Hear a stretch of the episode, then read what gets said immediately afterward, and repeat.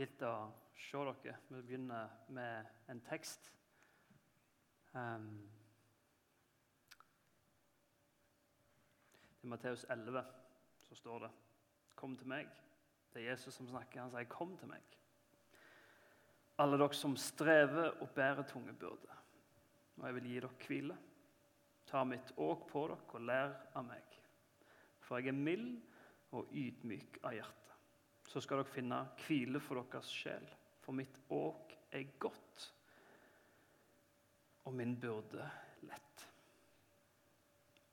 Jeg skal snakke om å sende videre i dag. Jeg har lyst til å begynne her, um, i denne teksten her. For det er utgangspunktet vårt. Det er Utgangspunktet mitt, det er utgangspunktet ditt. Det er utgangspunktet for, for, for vår tro vår felles tro på Jesus. Det er utgangspunktet for hvordan vi møter livet, med det det innebærer. Om det er din tjeneste, om det er dine relasjoner som ektemann, kjæreste, venn, student Jesus han sier 'kom til meg'. Jeg håper, Hvis du er her for første gang eller har uh, så vidt blitt kjent med misjonssalen eller den kristne troen i det hele tatt, så er dette essensen. Kom til meg, sier Jesus. Du, skal få lov til å komme til han med, med alt, egentlig. Med din tvil, eh, med din synd, med dine sorger, med dine gleder. Du skal få lov til å komme til Jesus med dine rop, med din frustrasjon. Du skal få lov til å komme til Jesus med våre egenskaper, de gavene vi har fått. Det er et nådens budskap. Og det er derfor du sitter her. For du har fått lov til å komme til han. Det å være kristen og være en etterfølger av Jesus det handler nettopp om dette. Å komme til han. Komme til han i alle ting. For hos han så er det en tilgivelse å få. Hos han så er det en ny start når det har gått litt dårlig. Hos han så er det liv. Hos han så lover han fred. Og lover glede og håp. Eh, og så er det av og til sånn at Ofte så, så tror jeg at vi kristne, vi som har vært kristne, litt tenker sånn at åh, men, men, men vi prøver å produsere freden sjøl. Gleden sjøl. Eller hå, altså, Det blir sånn Å ja, du sliter med bekymringer. Da får ikke jeg til kristenliv hvis jeg sliter med en del med bekymringer.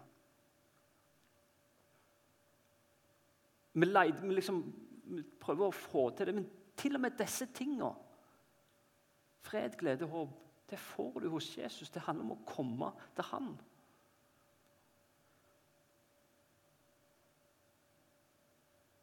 Din sjel skal få lov til å hvile der. Og så har han lyst til å sette deg i tjeneste. Og til og med det er en gave. Til og med det er en gave. Han har lyst til å lede deg i livet. Hele livet ditt. Og Når vi skal snakke om det å tjene Han i dag, så er dette utgangspunktet.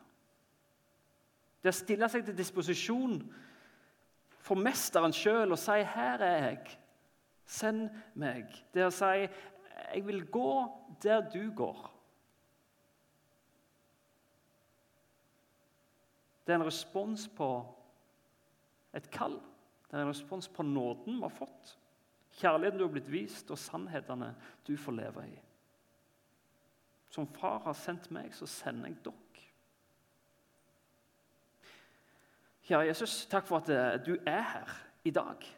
Takk for at du er vår, eh, vårt alt.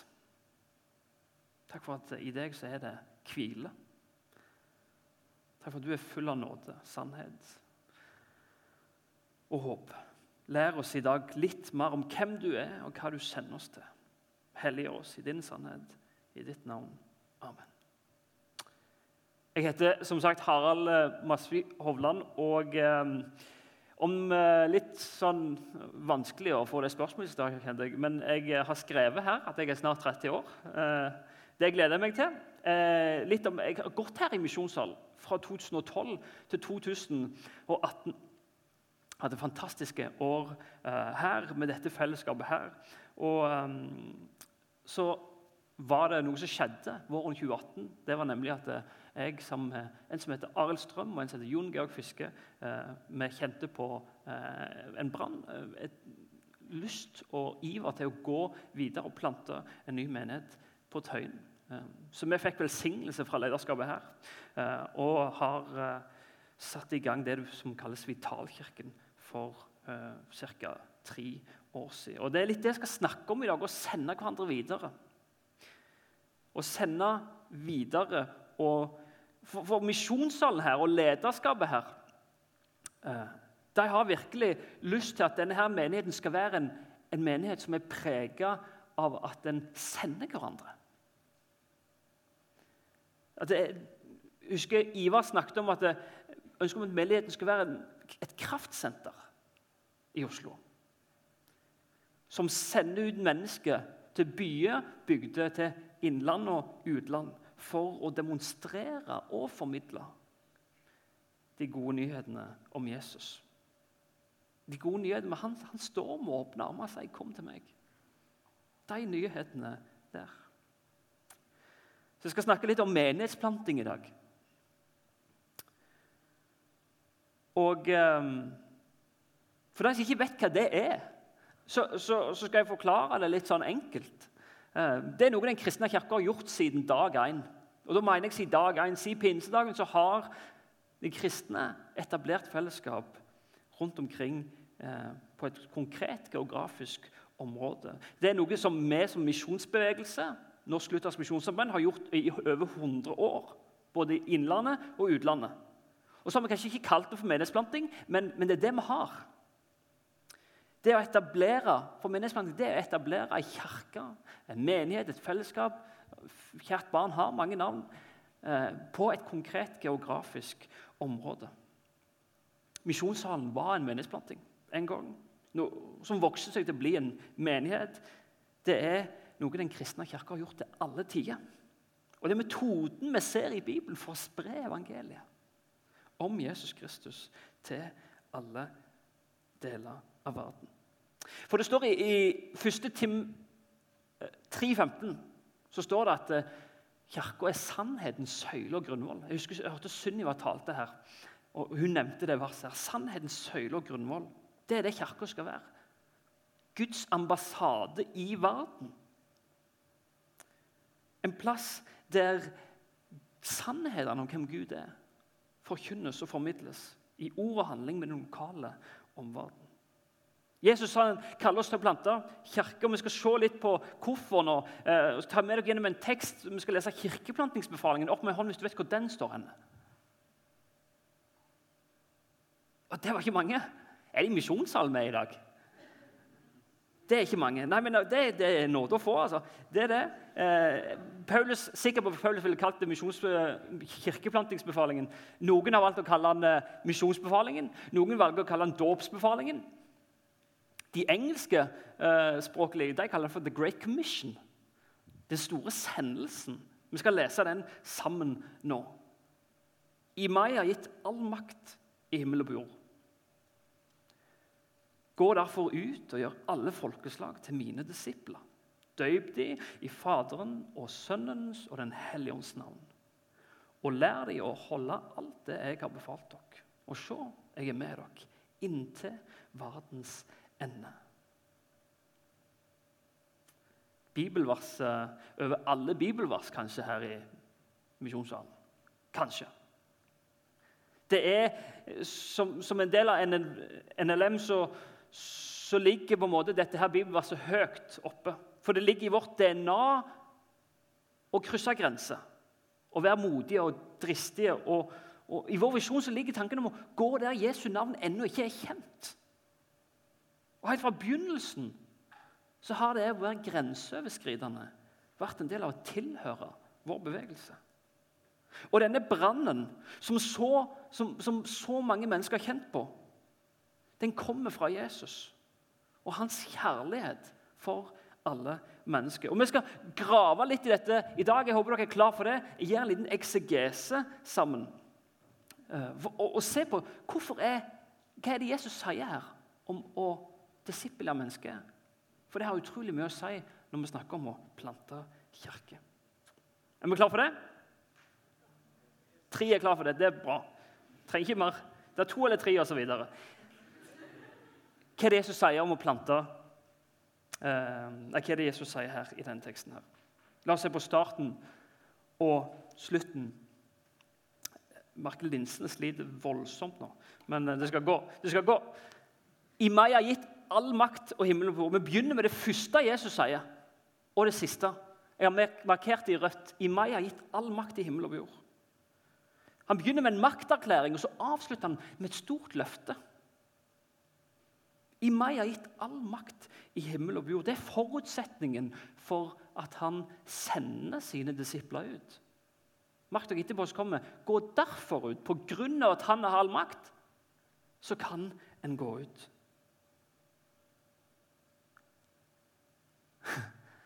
Av og til så forbauser det meg av og til når, jeg står og leser. Og når jeg ser på dere også, liksom, Jeg forteller dere her at Jesus har all makt i himmel og på jord, og så er det bare sånn Ok, kult.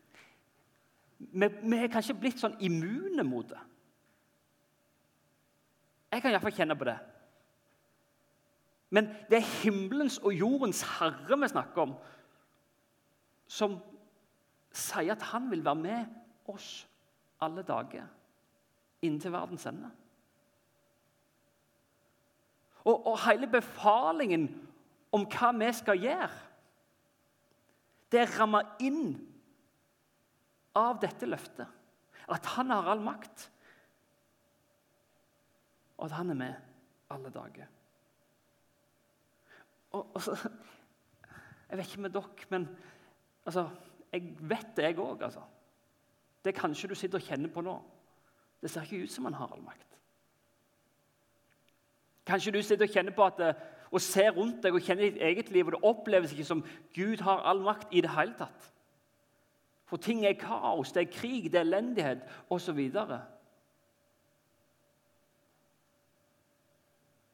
Men han har all makt. Det tror jeg på. Det så kanskje ikke ut som han hadde all makt på korset heller. Men da vant han over døden. Det så kanskje ikke ut som det var det utrolige som skjedde den kvelden i Betlehem. Den julekvelden i Betlehem. Men Gud kom ned til jorda. Gud jobber i det skjulte. Og Vi skal få lov til å tro at han har all makt. Og Hvis vi klarer å leve i denne sannheten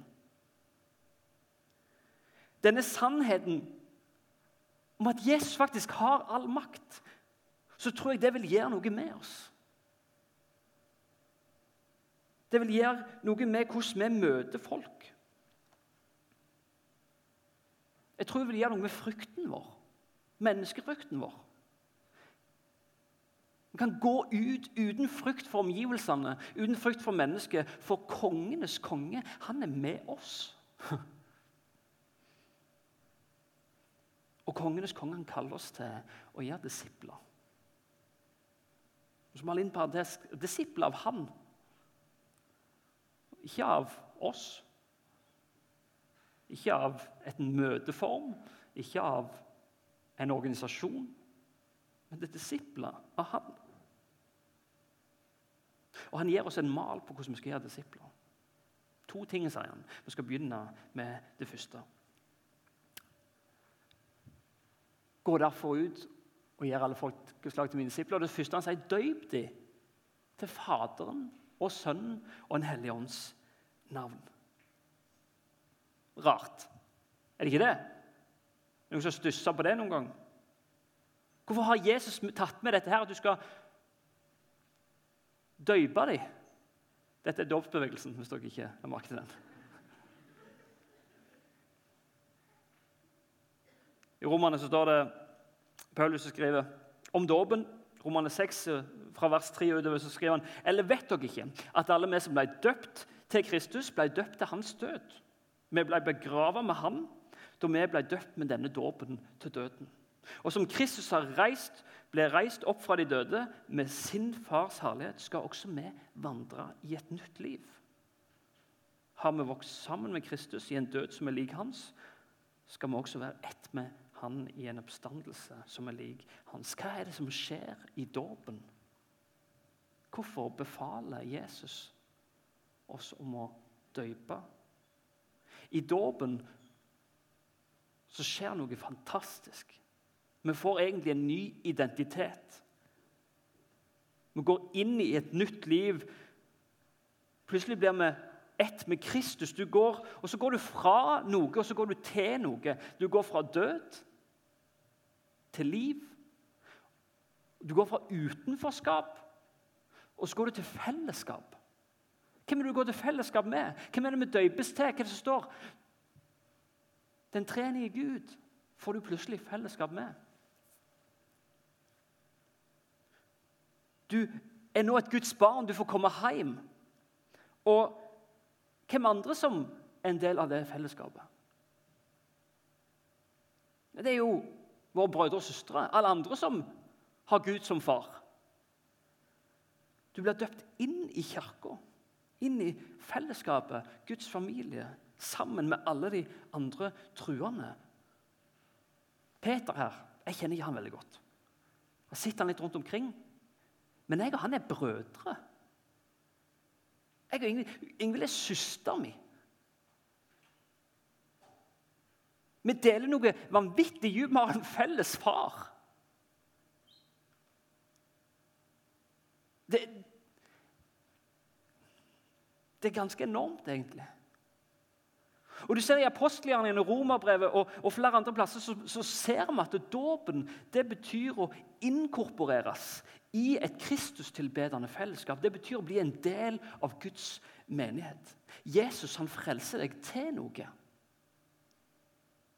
Han frelser deg til noe, til et fellesskap med ham. Og så får du en ny familie i tillegg. Du får nye søsken. Det å være kristen alene uten et fellesskap det er et scenario Det nye testamentet aldri tegner opp. Det blir rart å snakke om at, eh, eh, om at, det å være en del av en kirke eller menighet eller fellesskap er noe valgfritt. Nei, med trua på Jesus så blir du døpt inn i et nytt fellesskap. Ny familie. Glemmer alltid den sliden der. Men det oppsummerer det ganske greit. Du får nye brødre og nye søstre. Eh, det ble gjort en omfattende undersøkelse for noen år siden, eh, ikke for noen år siden, i fjor faktisk, av eh, et nettverk som heter Sendt. De kartla hvor mange menigheter er det rundt omkring i Norge. Hvor er behovet henne? Hvor er det vi trenger å plante nye menigheter? Og En har et mål om at, eller en drøm og en visjon om at vi skal ha 1000 kirker per, altså Ei kirke per 1000 mann i Norge. Det er et mål. Her i Oslo så er det nå én menighet per 4500 innbyggere. Så mange er det i Oslo. Og Jeg vet ikke om dere vet om noen som har 4500 stykk. Det er ikke plass til det her inne i misjonssalen. Det er ikke plass til det i Vitalkirken. Skal vi nå nye mennesker, skal mennesker ha et fellesskap bli inkorporert i, skal mennesker få lov til å komme til et hjem, så må vi ha flere hjem. Vi må ha flere rom. Vi trenger kirker som kan ta imot nye mennesker. Vi trenger kirker som kan få lov til å være ambassadører for Jesus. Nye kirker som kan nå nye mennesker. Og Nye kirker når nye mennesker mye bedre enn etablerte. Gjort mye forskning på det. Vi trenger flere kirker som kan plante kirker òg. Sånn som Misjonssalen har vært. Misjonssalen plantet de siste sju årene, åtte årene, så plantet to kirker. Hvorfor da? Jo, for Jesus elsker disse menneskene her. De du ser på gata hver dag, de elsker han faktisk. Jeg, jeg glemmer det hele tida. Jeg irriterer meg mer over dem på gata enn jeg ser på dem med Jesus sine øyne. Men det ber jeg for mitt liv. Og jeg håper vi kan sammen be for at Guds øyne og Guds hjerte for andre mennesker det må få lov til å, lov til å prege oss òg. For er det noe vårt land trenger, så er det at mennesker får lov til å se og erfare Guds nåde. Og bli inkorporert i hans familie. Det neste Jesus sier, er å lære dem å holde det jeg har befalt dere. Apostelen Paulus han eh, kanskje det råeste menneskeplanteren som, som, noen gang har eksistert. Han reiste rundt og planta masse kirker eh, og satte folk til å plante masse kirker. Og, og Helt i starten av romerbrevet, i, kapittel, i, vers 5 i kapittel 1, så forteller han om sitt oppdrag. Så forteller, for Romerbrevet er jo et svært, eh, svært brev som samfatter mye av Paulus' sin lære. Helt i starten forteller han hva hans oppdrag er. Han sier ved han, altså ved Jesus så har jeg fått nåde og aposteloppdrag for at jeg skal føre mennesker av alle folkeslag til lydighet i tro. Til ære for hans navn. Dette er et viktig poeng i hvorfor vi planter menighet. Merk dere at eh, han ikke sier han skal lede folk til tro. Det er, det Gud, det er Gud som skaper tro. Det er Gud som skaper tro. Men Paulus han, han reiser rundt og etablerer menigheter. For han skal hjelpe mennesker til å leve i lydighet til han de har kommet, tro, kommet til tro på. Vi trenger hverandre i dette livet. Vi trenger hverandre i dette livet med Jesus. Hvorfor er det så viktig å leve i lydighet til ham? For å ære Hans navn. Den djupeste formel for tilbedelse det gjør en når en lever i lydighet til Jesus Kristus. Lever i Hans ord og i Hans sannheter og følger Hans vilje, har jeg. Det verset har jeg ikke. Men i Johannes 8, 31 så står det Det er Jesus som sier hvis, hvis dere virkelig vil bli mine disipler, liksom, sier Jesus, så må dere bli i mitt ord. Da er dere virkelig mine disipler. Da skal dere kjenne sannheten, og sannheten skal sette dere fri. Hva vil det si å bli i Hans ord? egentlig? Jo, det vil si å leve i Hans ord. Det betyr egentlig å kjenne Han. Kjenne de sannhetene som er i Han. Få del i det Han har gjort. Og vi trenger kirke. Misjonssalen. Mye av det som skjer i misjonssalen, grunnen til at jeg står her og snakker, er for at vi skal hjelpe hverandre. Du kommer her fordi du trenger det.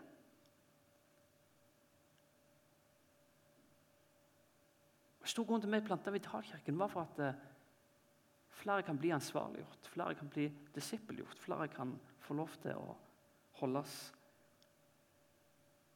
At vi kan hjelpe hverandre i dette livet. For jeg tror faktisk det er meningen med livet. Å bli kjent med Jesus. Å få lære han å kjenne og få se mer av hvem han er. Og, og det har seg sånn at Bibelen og, og, og, Kristus, altså Bibelen og Kristus, beklager, Kirka og Kristus, oss og Jesus blir i Bibelen portrettert som et ekteskap. Jeg vet ikke om dere har lagt merke til det. Du kan sikkert sangen 'Han er, med, han er min brudgom'. Har du hørt den? Sterk tone der, var det ikke det? Bjørnar? Der Kristus blir beskrevet som brudgom, og, og vi blir beskrevet som hans brud. Og så Av og til i våre sammenhenger så kan det virke som om vi forkynner et veldig smalt evangelium. Vi forkynner et evangelium som er, som er smalt, vil jeg påstå. Der vi sier at det, Et evangelium som sier at du er en synder på vei til helvete. Gud elsker deg. Jesus døde for deg og syndene dine. Og hvis du tror på Han, så kommer du til himmelen. Og det i seg sjøl er jo ikke feil, men, men det er et smalt evangelium. For evangeliet om Jesus Kristus det er så mye mer. Det er mer enn et forsikringsbevis som gir deg adgang til himmelen. En som heter John Ortberg, en pensjonert pastor og forfatter, han har sagt om vi tenker på denne måten som jeg akkurat skisserte opp nå, om frelse, så er målet å komme seg opp der til Gud. Det er hvordan å vite for sikkert at du er på vei til den gode plassen. Du gjør det med å formulere eh, kanskje med å formulere en spesifikk bønn eller tro et sett med læresetninger om Gud og andre ting som gjør deg til en kristen. Ironisk nok så involverer ikke dette et liv som lærling under Jesus Kristus. Det dette smale evangeliet kan føre til, det at vi kristne tenker ok, så lenge jeg gjør de og de tingene, tror de og de tingene, kan de og de læresetningene, så er det godt nok. Frelse via minst mulig krav. Men evangeliet om Jesus folkens, det er jo at Gud kom ned. Gud ble menneske. Himmelen kom ned. Gud sjøl åpenbarte seg og viste oss hvem han er. Frelse, det er å kjenne Jesus. For Da blir du kjent med Gud, da blir du kjent med Hans nåde, da blir du kjent med Hans kjærlighet. Evangeliet er å gå i dette livet under Jesu ledelse. Under Hans nåde under hans sannhet. For få komme og se mer av hvem han er. Jesus sier det sjøl. Johannes 17, 3. Det har ikke vi, selvfølgelig. Herlig. Bra jobba, Harald. Og dette er det evige livet, sier Jesus. At de kjenner deg, den eneste sanne Gud, og han du har sendt, Jesus Kristus. Og dette er det evige livet, sier Jesus. At de kjenner deg, den eneste sanne Gud. Og det evige livet det begynner egentlig nå. Det har begynt det for, for mange av dere. Det evige livet har begynt for deg som kjenner Jesus. Og du, og, og du er på den reisen, den, den vandringen med Jesus. Og få lov til å komme til han og bli kjent med han. Og Derfor blir vi og Jesus omtalt som, eller portrettert som et ekteskap. Det er et liv sammen. Der vi vokser i kjennskap til Han. Tenk hvis jeg sa til Alida, hun er gift med du, Hva er det minste jeg kan gjøre og fortsatt være gift med deg? Utrolig rart spørsmål. Det er jo ikke mening å spørre det engang. Og Jeg hadde gått glipp av hele poenget med ekteskapet. Alt det det har med seg, alt det vakre det har med seg, alt det det er, den relasjonelle pakten som det er. Jesus han inviterer oss til den type relasjon, en djup relasjon med Han som har skapt oss. Han som har gitt oss livet, han som har gitt oss alt. Og I den relasjonen så får du se din synd. Akkurat som ekteskapet. Der får du også se din synd. Du får se at ja, jeg trenger nåde. Det får du se i møte med Jesus òg. Jeg trenger nåde. Han har gitt deg alt. Han har rensa deg, satt deg fri. Og han sier, 'Kom til meg'. Kom til meg.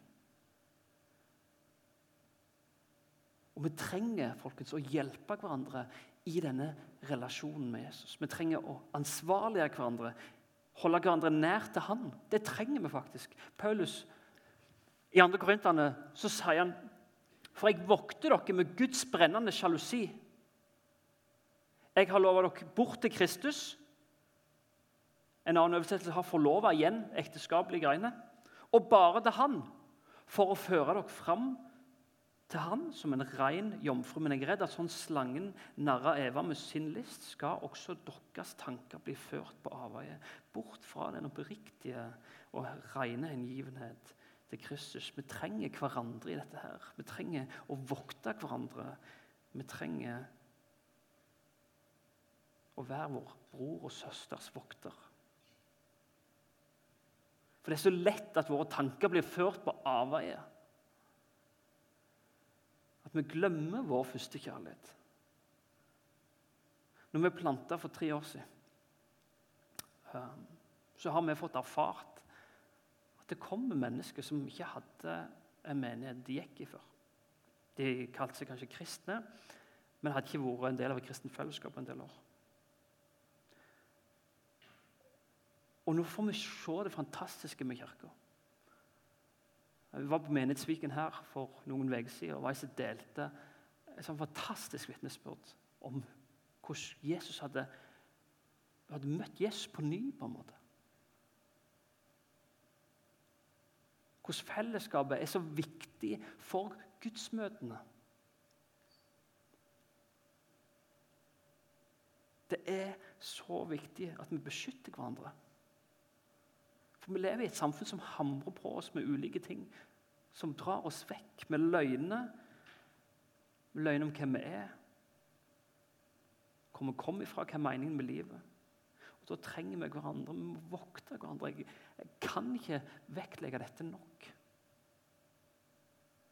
Forskningsgruppen Barna Group jeg vet ikke om dere har hørt om det, men det er svær, en svær organisasjon som forsker mye på eh, krist, kristne, kristent menighetsliv og kristne kulturelle greier borte i USA gjorde en undersøkelse som viser at hele 59% av mennesker som hadde vokst opp i kristen sammenheng og gått i kirka, hadde forlatt det.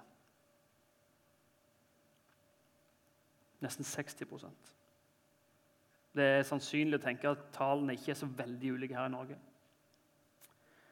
Og Grunnene kan være flere. Men det er flere grunner til det. at folk forlater. Det tror jeg. Men vi trenger å plante fellesskap der mennesker kan få lov til å blomstre. Der mennesker får lov til å vokse. Der mennesker får lov til å oppleve at de kommer hjem. Det er nåde å få. Kom til meg, sa Jesus. Vi trenger hverandre. Og Derfor trenger vi å sende hverandre videre. Vi trenger å sende hverandre videre til nye plasser. Byer og bygder. For å etablere fellesskap der det ikke er. Der det trengs fellesskap. Vi trenger å være fellesskap som møter utfordringene i lokalsamfunnet. Vi trenger fellesskap som er diakonale, som taler sannhet, som er full av nåde og sannhet, som Kristus er full av nåde og sannhet. Og så, og så, er det Jesus som inviterer deg med på dette. Han inviterer meg og deg med på dette her. Han sier, 'Kom og bli med på eventyr'. Kom og bli med meg i dette livet her. Jeg har en plan. Vil du bli med? Og han gir deg gaver. Kanskje du ikke kjenner at du har så mye, men du har gaver. Du har gaver som Gud har gitt deg nettopp for dette oppdraget. For å formidle Hans nåde, Hans sannhet, Hans kjærlighet til de neste. Jesus inviterer deg med på dette. Og det er òg en gave. Høsten er stor, men arbeiderne er få, sa Jesus. Jeg ber om at misjonssalen skal være en plass der mennesker kan få lov til å sendes videre. At vi aldri får nok med oss sjøl. I Jesu navn. Far. Jeg ber om at jeg må få lov til å se mer av din nåde. Uh, mer av hvem du er.